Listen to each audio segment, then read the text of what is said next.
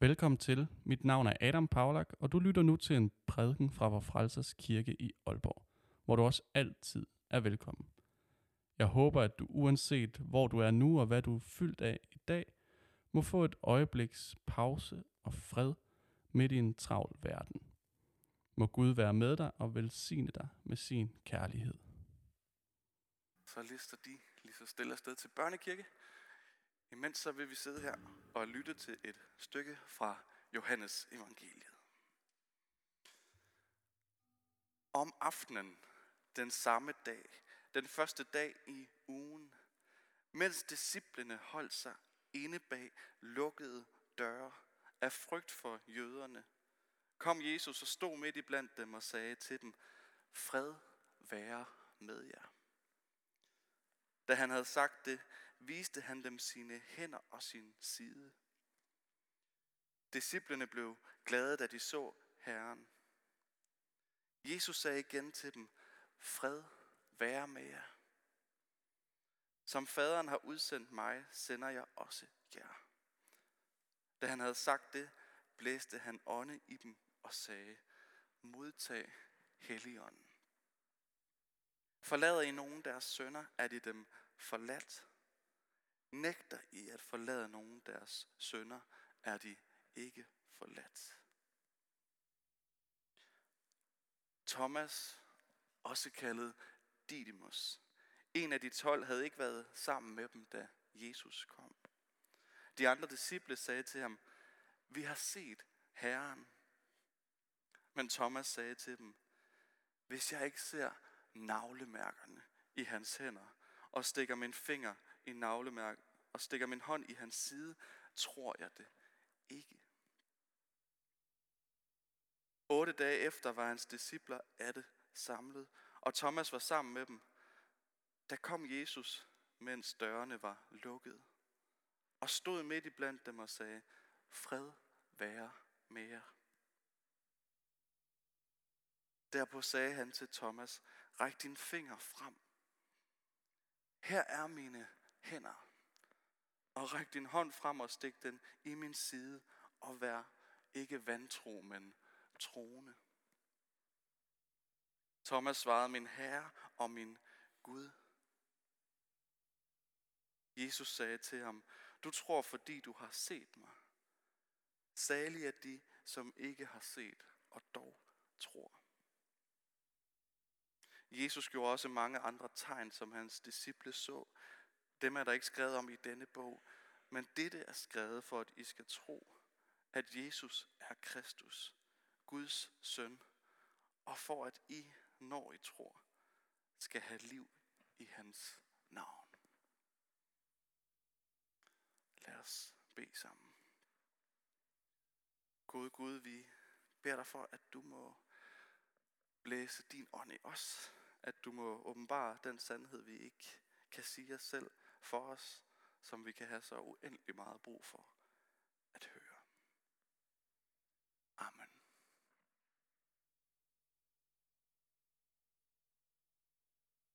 I dag, der træder vi ind i en fortælling, som måske mere end noget som helst andet handler om et menneske, der stiller et af de spørgsmål, som langt, langt de fleste mennesker på et eller andet tidspunkt har stillet sig selv.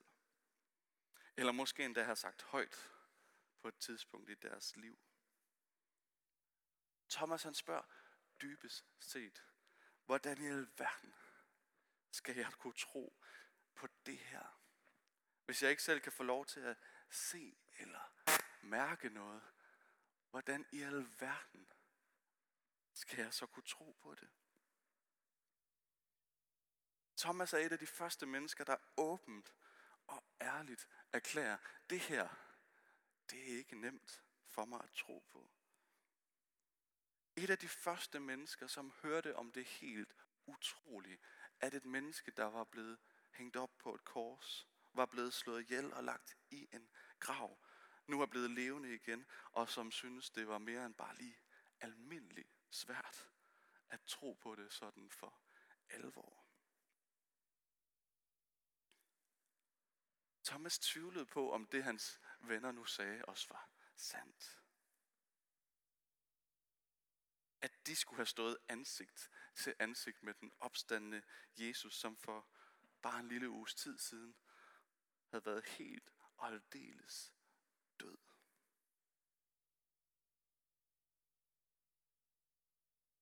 Og så er der noget ved Thomas, som der virkelig er værd at lægge mærke til, som der virkelig er værd at lære noget af. Hans navn er ikke bare et navn, som et hvilket som helst andet navn.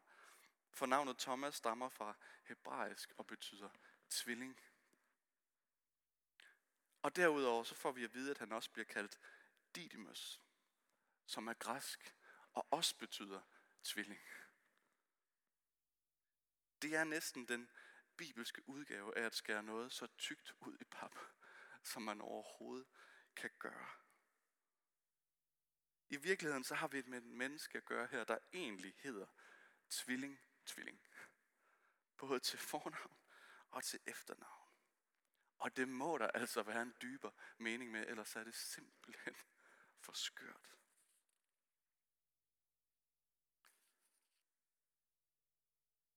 Og det er som om, at den tvivl, Thomas han giver udtryk for i mødet med den stærke tro, som hans venner har, skal fortælle os noget særligt.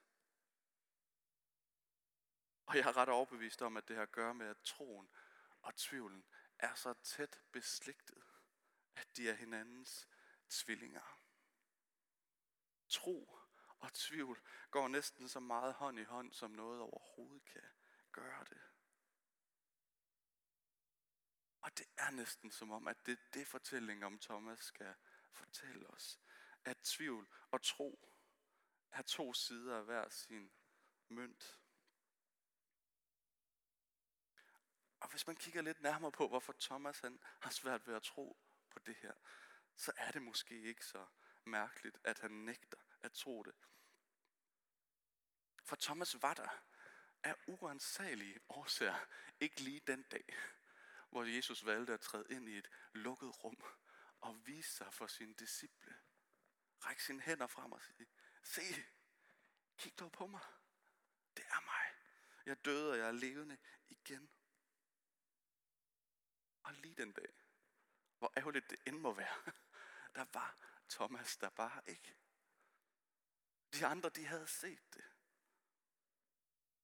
Da han stod der i kød og blod og talte, der var Thomas der ikke. Og alt det, han skulle bruge for at kunne tro på det, det havde de andre fået. Og alligevel, så er han blevet kendt som tvivleren. Op igennem verdenshistorien er han blevet billedet på den vantro. Men når alt kommer til alt, så er Thomas måske snarere den modige. Ham, der turde sige, da han oplevede det, det giver ikke mening for mig. Jeg kan simpelthen ikke tro jer. Og det har alligevel nok krævet sit at sige det til de venner, man er gået med i så mange år. Om et menneske, man har set gøre så, gøre, så store ting. Men Thomas har sikkert følt sig lidt alene. Og helt sikkert også lidt udenfor. Og i virkeligheden, så var han også måske udenfor.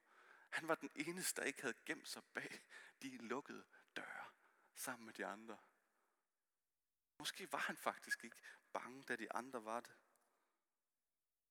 Men han har følt sig udenfor, og mere skal der måske slet ikke til. Følelsen af ikke at passe ind noget sted kan få os til at tvivle på alt omkring os. Eller måske endda lige frem alt inden i os. Og det gør Thomas. Tvivler på alt. Og det er fantastisk, at han får lov til at opleve, at Jesus så tænker, så må jeg hellere komme en ekstra gang for din skyld. Og træder ind igen i et rum bag lukkede døre. Anerkender, at Thomas har behov for mere end blot nogle ord fra sine venner. Og siger så til ham, vær ikke vantro, men troende. Særligt er de, som tror, man ikke har set. Og måske er det fortællingen om Thomas' tvivl, og det, at vi må tvivle, der er noget af det allersmukkeste ved kristendommen. At det ikke kun er en religion for de fuldstændig overbeviste. Dem, der aldrig har tvivlet et sekund i deres liv. Det er tværtimod et sted, hvor der i sandhed er plads til både at være tøvende, usikker og totalt meget i tvivl. I dag der lever vi millioner eller nærmere milliarder af mennesker, der aldrig nogensinde sådan for alvor har set Jesus ansigt til ansigt. Milliarder af mennesker, der ikke har stået over for en levende Gud med sår i sine hænder og i sin side, og som har bedt os om at sætte fingrene der i. Og som alligevel tror på, at der skete noget sandt, noget særligt, da han gik i døden og besejrede den påske morgen. Vi lever usikre liv, hvor vi sjældent er fuldstændig sikre på noget. Og måske har vi også nogle dage mest alt lyst til at gemme os bag lukkede døre. For det er endnu en vild pointe i dagens fortælling. De var mere eller mindre angste og bange alle sammen. Sad bag lukkede døre, turde ikke gå ud blandt andre mennesker. Og de har altså fulgt et menneske, som de har set lave vand til vin, gå på vandet, gøre døde levende. Og alligevel så sad de der Og hvad enten vi føler os mest som Thomas eller de andre venner, så er den gode nyhed, at det er Gud, der kommer til os. Uanset hvor hermetisk lukket vores døre så er, så råber Gud alligevel til os. Råber, at vi er værd at være sammen med, uanset hvor usikre eller skråsikre vi så end kan være råber, at Jesus gik i døden på korset for at købe os fri. Råber til os, når vi frygter alt i verden. Når vi gemmer os bag lukkede døre og bliver vores egen værste fjender. Så råber Gud stadigvæk til os. Men det er så nemt at blive i tvivl. Det var nemt for Thomas, det er nemt for os. I en verden, hvor alt det smukke i vores liv er både skrøbeligt og kan gøre ondt, så er det så meget desto nemmere at blive i tvivl om alt det gode. Og det tror jeg faktisk ikke, der er noget i vejen med. For det alt overskyggende glædelige budskab i kristendommen og påsken, det er, at det afhænger faktisk ikke af os. Og heldigvis for det. Det afhænger ikke af, hvad vi får gjort. Eller hvor sikre vi egentlig er. Vi er frie eller elskede. Ikke fordi vi er sikre på noget særligt, men fordi Gud er sikker på os. Fordi Gud aldrig har været i tvivl om, at vi var værd at gå i døden for.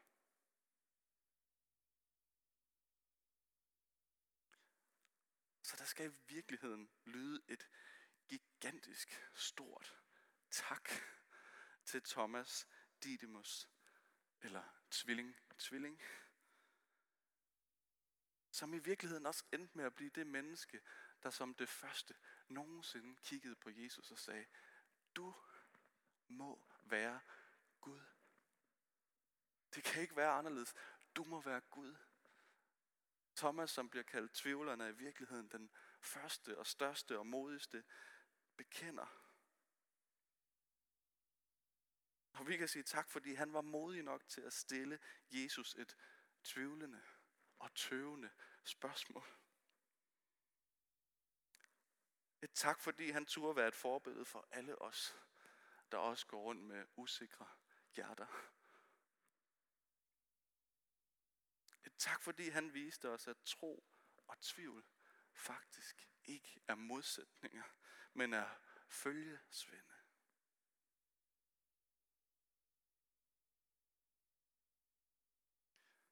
Tak til Thomas for det. Lige om lidt, så skal vi lytte til en sang, som mange af os måske har hørt på et eller andet tidspunkt, eller har sunget med på en gang. En sang, der hedder Frit Land. Som på mange måder også er en sang, der handler om, at livet er fyldt af gode og skønne og smukke oplevelser, men at netop os, det smukke gør ondt. Næsten som sådan en naturregel, at alt det smukkeste, vi har her i livet, det er også det, der gør nas. Men at vi på trods af, at det en gang imellem gør ondt, og ikke er sikre på noget som helst, må turde kaste os ud i livet og håbe på at blive grebet. Og sådan er det måske også med troen og tvivlen. Vi kan blive nødt til at kaste os ud i noget, vi er usikre på. Men det kan vi kun, fordi Gud altid, altid, altid er sikker på sin kærlighed til os.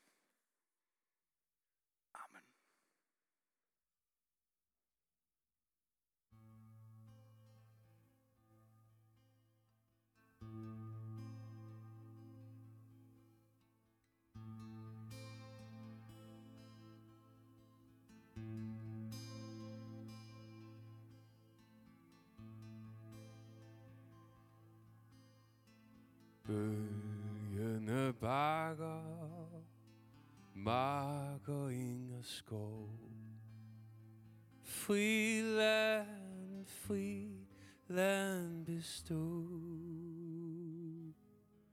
Dine brødre er borte, dine søstre sover sødt. Så du må være stærk og stå ret. Ryster du på hånd, ja, så vælter det jo i.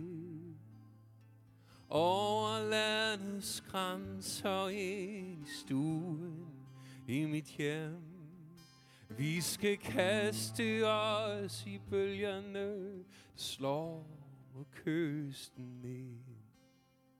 Frit land, frit for os selv. Sommeren var gået, da jeg rev mig på din tårn, havde det smukkeste gør ondt. For mygge stikke søerne til trådene i bølgerne, der brænder hendes ben. Vi skal kaste os i bølgerne, der slår mod kysten ind. Fri vand, fri vand mit sted.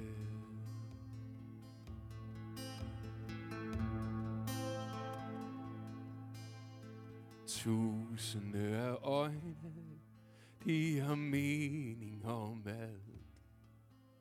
Og alle sammen tror, at deres tv taler sandt. Vi skal prøve på at se den lysende idé. Med stregen, den må trækkes i det sand. Tænk i mine øjne, de ser kun fra næsen og så ned. Hvordan skulle jeg kunne bære hele kloden i mit skød? Hele verdens smerte kommer